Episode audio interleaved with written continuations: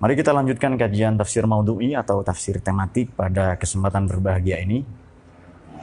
Temanya adalah hijrah yang disalahpahami atau kerap kali disalah kaprahi untuk kemudian dijadikan sebagai perilaku atau gaya hidup. Hijrah, hijrah. Apa sih hijrah itu apa? Kita sudah lazim mengetahui hijrah ini maknanya berpindah. Namun sekurang-kurangnya eh, kita bisa membaca ayat Quran misalnya begini. Ini bahkan wahyu wahyu kedua itu sudah ada perintah hijrah. Warrujza fahjur. Yang kotor-kotor ayo tinggalkan. Hijrah dari yang kotor-kotor yang buruk-buruk. Ini jelas bukan hijrah makani. Bukan hijrah dalam berarti intiqal, pindah tempat, tapi hijrah maknawi. Sudah ada dua berarti ya. Jadi hijrah itu ada makani, ada maknawi.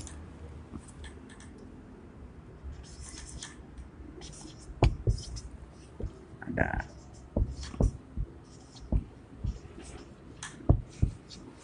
Kalau yang makani, yang bermakna tempat, itu sudah lazim kita tahu pada tahun kelima dari buah atau risalah, eh, umat Islam sudah hijrah ke Ethiopia, ke Habasyah, satu negeri Nasrani Kristen yang dipimpin oleh Raja Negus atau Raja Najasyi. Nah menarik karena hijrah ini di Quran diceritakan sebanyak 31 kali. Namun demikian tidak semua dalam kata perintah. Nah menarik pada wahyu kedua tadi ada redaksi warrujza kepada yang kotor-kotor, eh, kepada yang buruk, kepada yang segala bentuk negativitas, ayo tinggalkan. Berarti sudah jelas itu maknanya hijrah maknawi. Namun demikian, belakangan hijrah ini cenderung atributif, cenderung syu'uri. Hijrah ini cenderung uh, pakaian. Dan saudara perlu tahu bahwa e-commerce e-commerce yang berkembang, startup startup yang berkembang, toko-toko online maupun distro-distro, distribution outlet di Indonesia yang berhubungan dengan pernak-pernik hijrah dalam tanda kutip itu berarti hijrah hanya sekedar atributif syumri itu nilai ekonominya pada tahun 2019 saja 22 miliar US dollar Indonesia negara ketiga setelah Turki Turki 28 miliar US dollar kemudian uh, Uni Emirat Arab itu 24, eh, kemudian Indonesia 22 miliar US dollar. Walhasil hijrah itu dagangan. Nah itu dia. Gaya hidup lifestyle. Ia sudah sama sekali melenceng dari apa yang dicontohkan Nabi secara maknawi maupun, maupun di, dilakukan oleh beliau secara makani. Jadi kalau maknanya pindah, baik maknawi secara substantif, secara esensial, maupun makani secara spasial, secara verbal, ini tidak melulu sebab belakang tidak melulu klaim sebahagian kita yang hai kapan kamu hijrah maknanya jadi ninja. Pakai cadar. Boleh nggak? Boleh. Silahkan. Silahkan pakai jilbab kemudian berjenggot. Itu baik. Tapi itu belum substantif. Itu yang mau kita maksudkan. Baik, langsung saja nanti sebelum menyikapi problematika hijrah itu, fenomena yang kerap kali disalahpahami, kita langsung saja. Di Quran 31 kali hijrah itu dipakai. Meskipun nanti yang maknawi ini banyak ya, ada yang i'tiqadi. Ada yang uh, bermakna i'tikad. Atau Anda hijrah ke kampus baru yang sangat keren, kampus Unmer, Universitas Mertua, harapan para jomblo untuk hijrah ke sana, kok tidak ada yang amin ya? Asal jangan pacaran. Maka, maka ia pun juga hijrah sebenarnya. Nah, baik kita kita akan membaca akan memperbandingkan sebelum membaca surat Al-Hasyr juz 28 ya. Uh, sebelum kita membaca itu kita akan memperbandingkan hijrahnya para nabi, para rasul terdahulu. Baik. Ah, kita bisa melacaknya misalnya di surah Sofat. Ada surah As-Sofat ayat 99 ada redaksi begini. Ini hijrahnya Nabi Ibrahim. Ini zahibun ila rabbi sayahdini. Saya mau pergi, mau hijrah, mau berpindah, mendapati, menjumpai Tuhan saya, saya dini. Dia akan kelak akan memberi petunjuk kepada saya. Ini zahibun ila rabbi. Oke, kita supaya jelas ya perbandingannya begini saja. Ini hijrahnya Nabi Ibrahim. Ini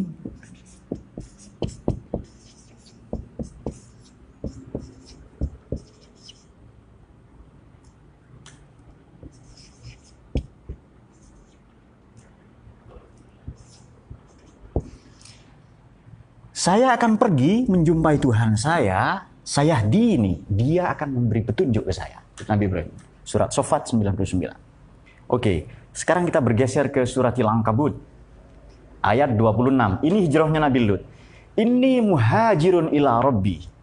Innahu huwal azizul hakim. Nah, sekarang Nabi Lut ini. Ini muhajirun.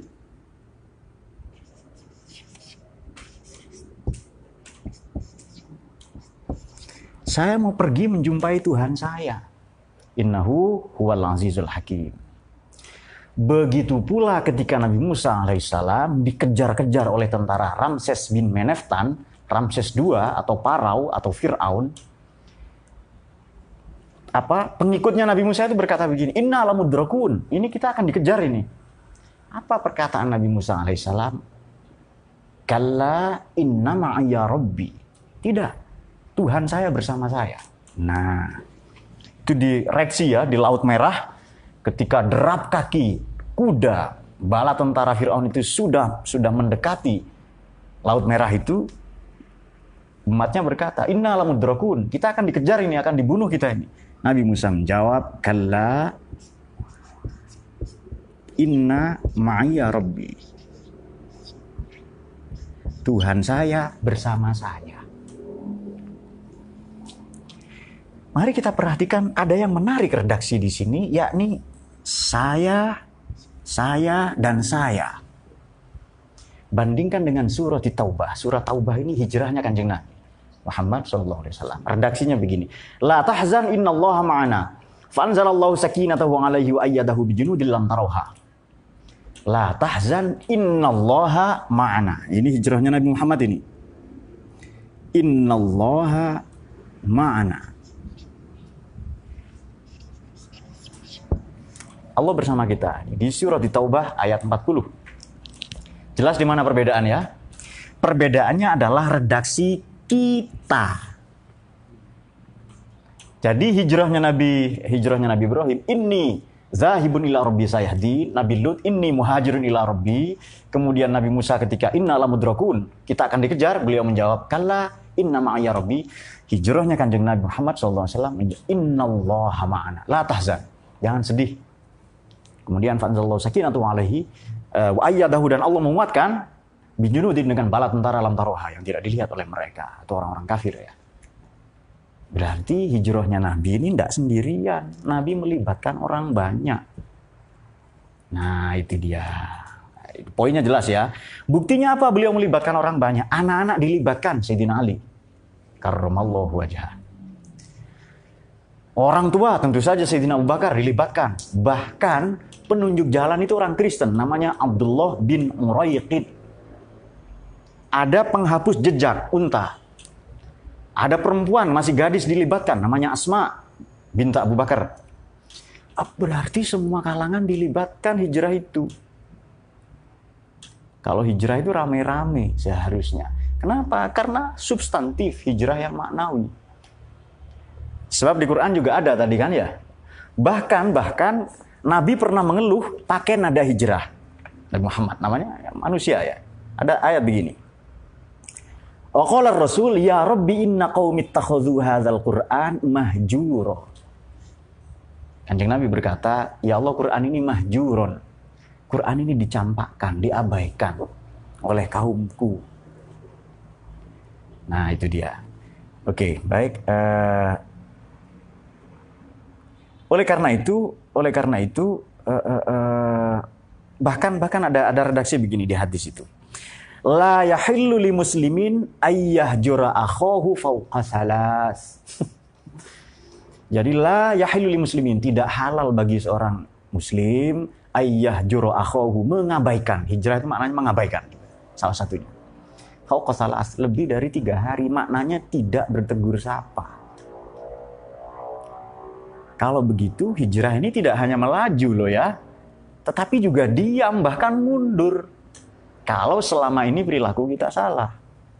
Ini makna hijrah.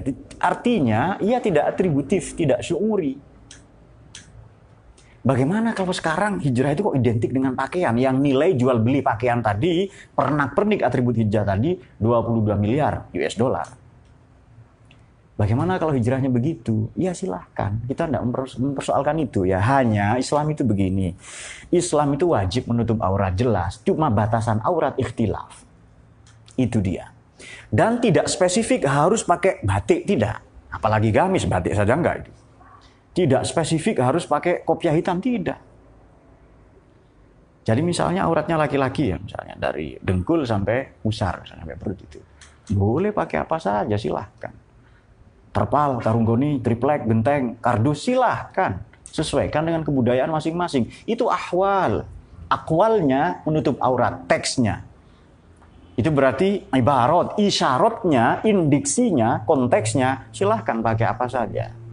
Nah, oleh karena itu, eh, karena Islam ini kan muasyarah bil ma'ruf, muamalah bil husna, pergaulan yang baik, yang santun itu. Kalau di tengah-tengah tradisi yang pakai batik seperti ini, kan ada ada yang nubah, ada nikob itu loh, ya kan?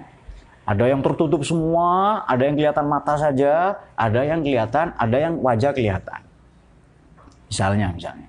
Ada orang di pasar itu, Sayyidina Umar membawa pedang. Kemudian ada orang bertutup pakai cadar, digetok kepalanya itu oleh Sayyidina Umar itu. itu. Plum misalnya itu. Misalnya lagunya begitu kan ilustrasi ya. Kamu budak atau merdeka? Saya budak. Kalau budak buka wajahmu.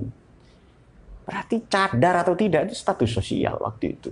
Kasta. Dan ini masih diperselisihkan. Silahkan Anda mengikuti kajian kami di NU Online itu sudah kita ulas soal itu. Kalau hijrah identik dengan itu. Nah, uh, oleh karena itu, oleh karena itu, mari kita kita teruskan sedikit ya. Uh, ada yang hijrah itu maknanya bersabar, atau hijrah itu dengan diam. Bagaimana itu? Uh, uh, di surat Ar-Ra'd ada, Kemudian di surat Muzammil 10 ada. Wasbir ala ma yakulun, bersabarlah terhadap tuduhan-tuduhan kampanye-kampanye propaganda negatif mereka. Wahjurhum hajron jamila, hijrah dengan cara yang ilhan. Atau juga ada ayat begini, uh, kata malaikat nanti di surga itu, Salamun alaikum bima sobartum. Salam sejahtera atas kesabaran kalian selama ini. Fani' ma'uqbaddar.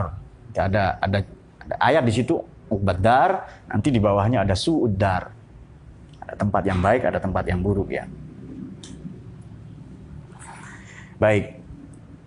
Ada juga kemarin, sebab begini ya, kalau kalau Anda membuka Instagram, ini tagar-tagar itu 1,6 miliar, ah 1,6 juta. Hashtag hijrah. Betapa masifnya dikampanyekan itu. Dan sebenarnya hijrah dengan bermakna ganti pakaian seperti itu. So kalau hijrah itu pakai pakai jilbab, Hai Sister Villa, kapan hijrah? Maknanya pakai jilbab. Bahasa mereka hijab ya, tirai itu, yang panjang itu pakai itu. Itu Amerika sudah lakukan, orang Kristen sudah lakukan, Yahudi juga pakai pakai jilbab. Kalau memang hijrahnya sebatas itu.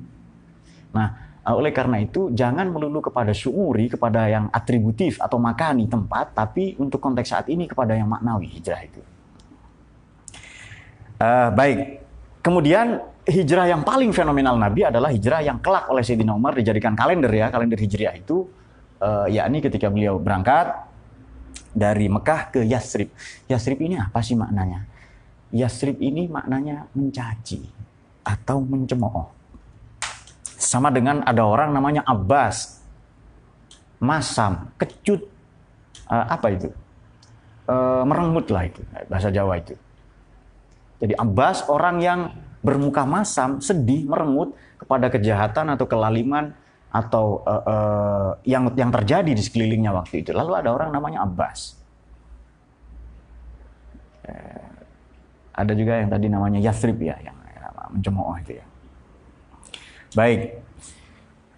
biasanya kanjeng Nabi ini ke rumah Sayyidina Abu Bakar pagi atau sore saja. Tapi di hari yang malamnya itu hijrah, Nabi dua kali. Bahkan tengah hari ke sana. Beliau berkata kepada Sayyidina Abu Bakar. Waktu itu belum Abu Bakar ya, belum menikah dengan Siti Aisyah kanjeng Nabi itu. Namanya Abdullah bin Abi Kuhafah. radhiyallahu. Terus Nabi berkata begini, bersabda begini. Tuhan sudah mengizinkan, Allah sudah mengizinkan, nanti malam kita berangkat. Kemudian saking gembiranya, uh, sebelum sebelum di sana, saya mau bicara penting, empat mata. Lalu kata Sidina Abu Bakar, ini semua keluarga saya, istri saya, anak saya, silahkan bicara. Atau kalau engkau berkenan, biar mereka keluar katanya. Lalu Nabi bicara, saya sudah diizinkan oleh Allah untuk uh, berangkat untuk hijrah ya, jadi kita berangkat malam ini. Oke. Okay. Kemudian saking gembiranya, Sayyidina Abu Bakar ini nangis. Dan beliau menghadiahkan untanya yang paling besar, yang paling sehat itu. Kepada kanjeng Nabi itu. Ini hadiah dari saya. Apa kata Nabi itu? Tidak, Nabi membayar. Artinya apa? Artinya apa? Hijrah itu bermodal. Jihad itu bermodal. Wajah itu bisa di amwal. Dengan social capital. Dengan materi hijrah itu. Ada modalnya. Jadi tidak cukup hanya bahkan nungguin jenggot saja bermodal, ya kan? Nah itu dia. Jadi ada modalnya itu. Bermodal kan. Beliau tidak mau dikasih uang itu. Ah, dikasih unta tadi. Beliau membayar itu. Dan uh, uh, nilainya apa? Ya berjuang itu harus bermodal, tidak setengah-tengah. Tidak setengah-setengah dan disiapkan dengan baik. Anak kecil terlibat, telik sandi terlibat, penghapus jejak terlibat, orang tua. Anda mau pilih peran mana? Mau pilih peran Sayyidina Abu Bakar, ya kan menemani itu, atau memilih Sayyidina Ali, anak muda yang menemani mereka yang belum hijrah, milenial. Nah, silahkan pilih mana. Ada yang gondrong-gondrong, ya kan. Kadang keteknya juga gondrong. Apa mau menemani mereka? Atau menjadi sosok Asma dan Nasibah, dua orang diplomat telik sandi datang kepada Nabi mengabarkan bahwa di Madinah ini orang sudah Islam. Nah, silahkan pilih peran yang mana hijrah itu. Uh, kemudian kemudian yang kelak beliau mempersaudarakan orang-orang uh, di Madinah itu ya, muhajirin dan Ansor dan itu ayatnya baru akan kita baca. Uh, kadang hidup ini juga dibutuhkan hijrah, tapi untuk membangun desa. Jadi Nabi hijrah ke Madinah, Yasrib ya. memang memang Yasrib itu nama orang yang kelak menjadi nama kota, namanya mencemooh tadi itu. Mengecam, mengecam. Memang uh, cucunya Nabi Nuh ya. Yasrib bin Laus bin Amlik bin Syam bin Nuh. Uh, yang kelak begitu Nabi hijrah ke sana diganti kota Nabi, Madinatul Munawwarah. Kota yang mendapatkan illumination, pencahayaan, pencerahan dengan hadirnya Nabi ke sana. nah, begitu Nabi sampai di perbatasan, beliau menatap Mekah dan bersedih beliau, sungguh saya uh, wallahi saya mencintai kamu, kota Mekah tadi itu. Seandainya bukan karena kaum ku atau penduduk Mekah maknanya waktu itu uh, tidak tidak mengintimidasi, menganiaya, meneror, maka saya tidak akan meninggalkan mereka ya. Nah, ada ayatnya di Quran ya. Wa in kadu laysa fizunaka minal ardi liyukhrijaga minha ilahil ayah. Baik. Uh, sekarang kita mari menuju kepada ke muhajirin dan ansor, substansi hijrah itu sendiri. Dari suratil Hasr ayat yang ke-59 nanti saya akan membaca beberapa tafsir ya, terutama Tobari, kemudian Al-Qurtubi dan lain-lain sebagaimana biasa kita baca. Bismillahirrahmanirrahim. Pada ayat yang ke-8 sampai 10. Lil fuqara'il muhajirin alladzina ukhriju min diyarihim wa amwalihim yabtaghuna fadlan minallahi wa ridwana wa yansurunallaha wa rasulahu ulaika humus shadiqun lil il muhajirin. Bagi orang-orang fakir muhajirin alladzina ukhriju min diyarihim yang meninggalkan kampung halaman mereka wa amwalihim dan harta benda mereka tujuan hijrah itu ya betahu nafadlam minallah atau ibtigha min fadillah itu waridwana dan mengharap menggapai keridoannya lantas wayan surunallah wa rasulah ulaika humus mereka orang-orang yang jujur ya. Oke. okay. Jadi wataknya hijrah, syahsiyah, personality orang-orang yang hijrah kalau hijrah itu nomor satu Anda harus memberi predikat gelar pada diri Anda di surat Al-Hasr ya, ayat yang ke-8 tadi. Nomor satu harus fukoro. Nomor satu kalau mau hijrah fukoro. Fakir ke Allah itu terutama. Bahkan kalau kita merasa fakir ke Allah, Allah akan menghadiahi kita. Bagaimana innamas sadaqatu lil fukoro. Sedekah itu bagi orang-orang fakir. Kalau fakir ke Allah, Allah ngasih sedekah. Apa itu? Rizki yang barokah, keluarga barokah, ilmu laduni. Itu rizki semua. Sedekah dari Allah semua itu. Kita siri syari tapi ya. Anda bisa melacaknya Ruhul Ma'ani misalnya. Eh, tafsirnya Ibnu Ajibah dan lain-lain. Eh, Ruhul Ma'ani karangannya Imam Al-Alusi. Baik lil fuqara il muhajirin allazina ukhriju min diyarihim. Nah, ini kata kata Imam At-Tabari orang Tabaristan ya, ini gurunya para mufassir ya, saja selain Ibnu Abbas ya. Haulail muhajirun tarakud diyar wal amwal wal ahlin kharaju. Mereka semua hubban lillahi war rasul uh, uh, kemudian kemudian Mereka semua hijrah itu meninggalkan diar, kampung halaman, amwal, ahlin, keluarga, khoroju, hubban lillah. Semata-mata karena cinta kepada Allah. Kita ambil redaksinya tadi, nomor satu predikatnya fukoro. Pada surat Al-Hasyr ayat yang ke-8. Lil fukoro ilmu hajirin alladzina ukhriju min diyarihim wa amwalihim. Mereka semua meninggalkan diar, ini setelah fukoro ya, meninggalkan diar, amwal. Ini meninggalkan kampung halaman, bahkan meninggalkan negara, meninggalkan kota ya, dan amwal, harta benda. Meninggalkan social capital, meninggalkan aset-aset, meninggalkan properti-properti, reputasi-reputasi. Kenapa rela meninggalkan diar dan amwal? Tujuannya ya betahu nafadlam minallah, berarti ibtigha'a min fadlillah.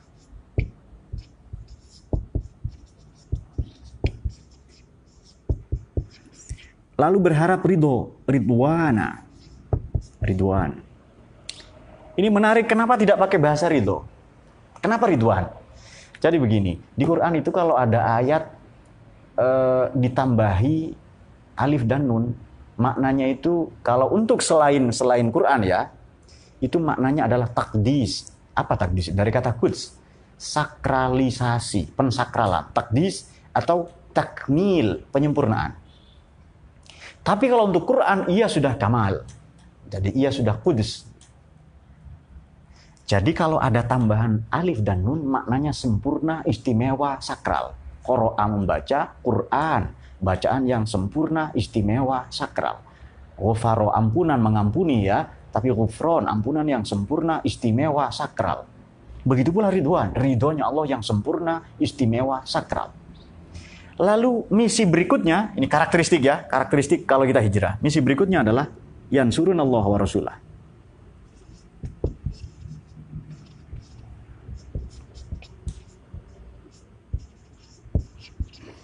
Baru kalau bisa itu semua Allah menyanjung ulaikah musadikun. Kalau bisa ini semua, ini orang yang sodikun, jujur, concern, wataknya muhajirin di Quran, sodikun. Itu dia. Jadi ini hijrah. Oke kita kembali ke fenomena. Jenggot cadar misalnya. Apalagi jilbab.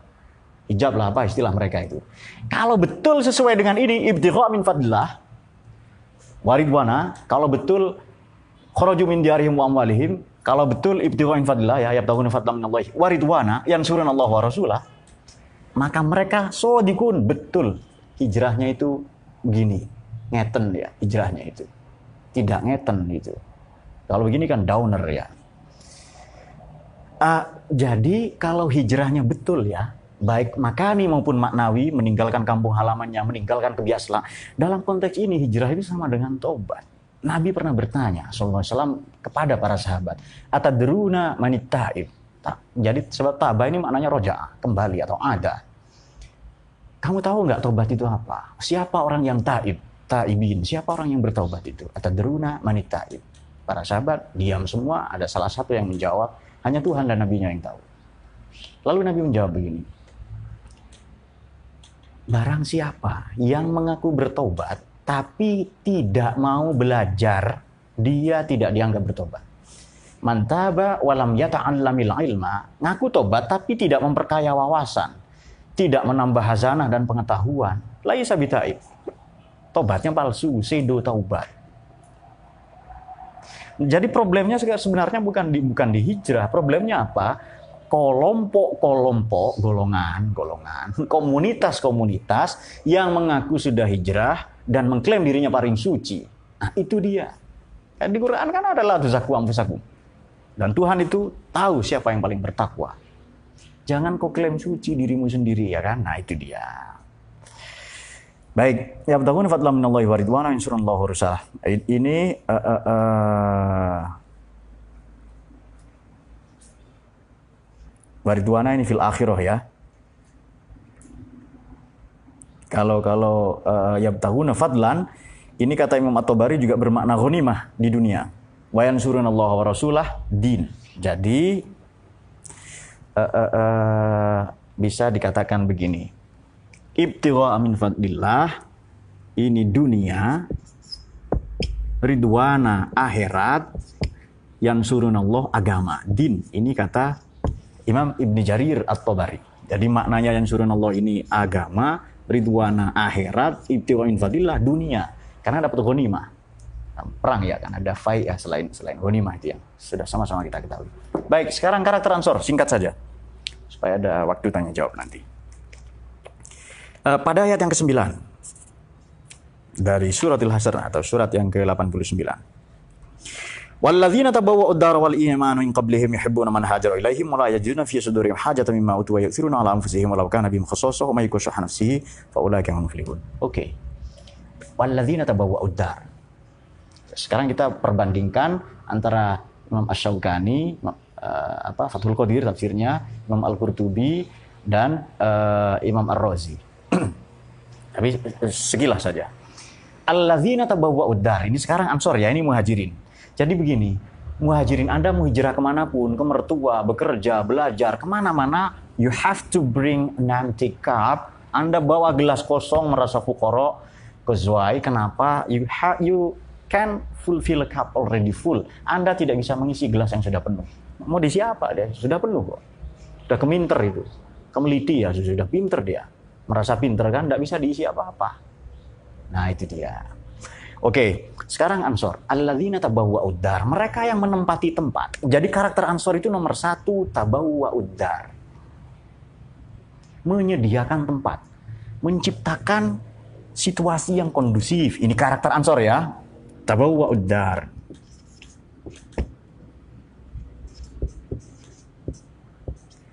Kemudian mereka juga sudah beriman alladzina tabawwa'u dara wal imana min qablihim. Sebelum orang-orang muhajirin datang, mereka sudah beriman. Karakter yang ketiga, yuhibbuna man hajara ilaihim.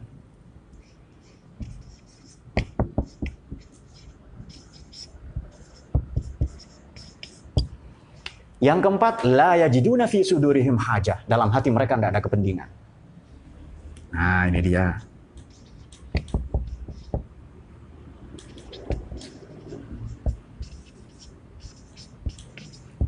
Mimma utu dari apa yang diperoleh? Ghanimah fai ya kan? Harta benda itu loh rampasan perang itu loh. Kan ada sekarang jomblo-jomblo ghanimah jomblo rampasan pacar. Nah itu. La yajiduna fi sudurihim hajah tidak ada kepentingan di hati mereka. Mimma utu dari apa yang yang mereka peroleh. Wa yu'thiruna ala anfusihim. Meskipun hati mereka ingin loh ya walau kana bihim khososo meskipun hati mereka ingin itu.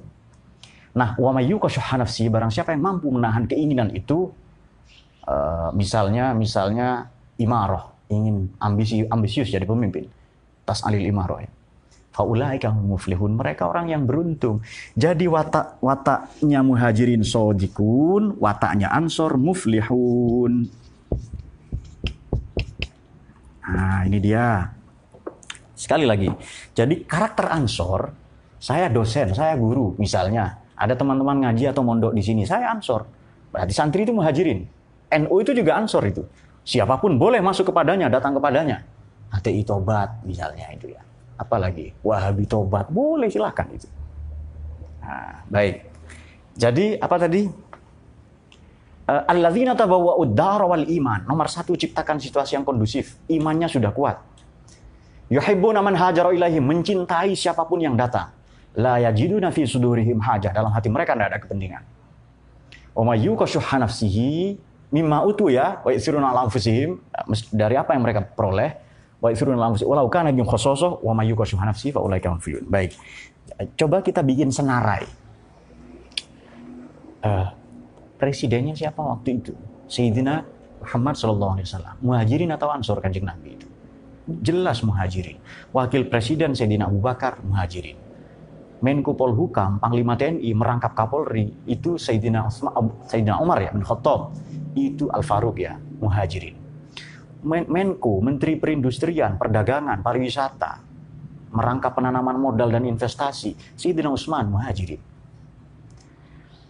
Menteri Pemuda Olahraga, Menteri Pendidikan, Menteri Agama, merangkap Ketua NU Sayyidina Ali Muhajirin. Merangkap Ketua MUI juga itu. Bahkan pejabat-pejabat eselon. Sayyidina Jabir, Sa'ad, Sa'id, Tolha bin Ubaidillah, Zubair bin Awam, Amr bin Ubaidah bin Jarrah. Semuanya muhajirin, sampai tukang adan muhajirin. Coba itu. Bagaimana sikapnya Ansor, penduduk Madinah? La yajiduna fi sudurim hajah. Dalam hati mereka tidak ada kepentingan apa-apa yang digarisbawahi oleh Imam Marrozi itu, itu keren sekali wataknya Ansor itu. Kok ada ya orang yang akhlaknya begitu itu loh katanya.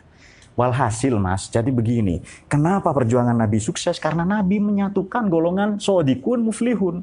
Golongan muhajirin dan ansor. Pertanyaannya begini, kita muhajirin atau ansor? Kita orang yang sudah hijrah atau ansor itu? Tentu saja bukan dua-duanya. Kalau mau tahu, baca ayat yang ke-10. Walladzina ja'u min ba'dihim orang-orang yang datang setelah mereka yaquluna rabbana ighfir lana wa li ikhwanina alladzina bil iman wa la taj'al fi qulubina ghillan lil ladzina amanu rabbana innaka ra'ufur rahim. Ya berdoa saja, la taj'al fi qulubina ghillan, ampuni saya ya Allah dan orang-orang yang mendahului saya keimanannya. La taj'al fi qulubina dalam hati kami jangan kau jadikan secuil pun dendam. Rabbana innaka ra'ufur rahim. Baik, uh, itu, itu sedikit ya pengantar mengenai hijrah itu. Kalau ada pertanyaan-pertanyaan saya persilahkan. Mana?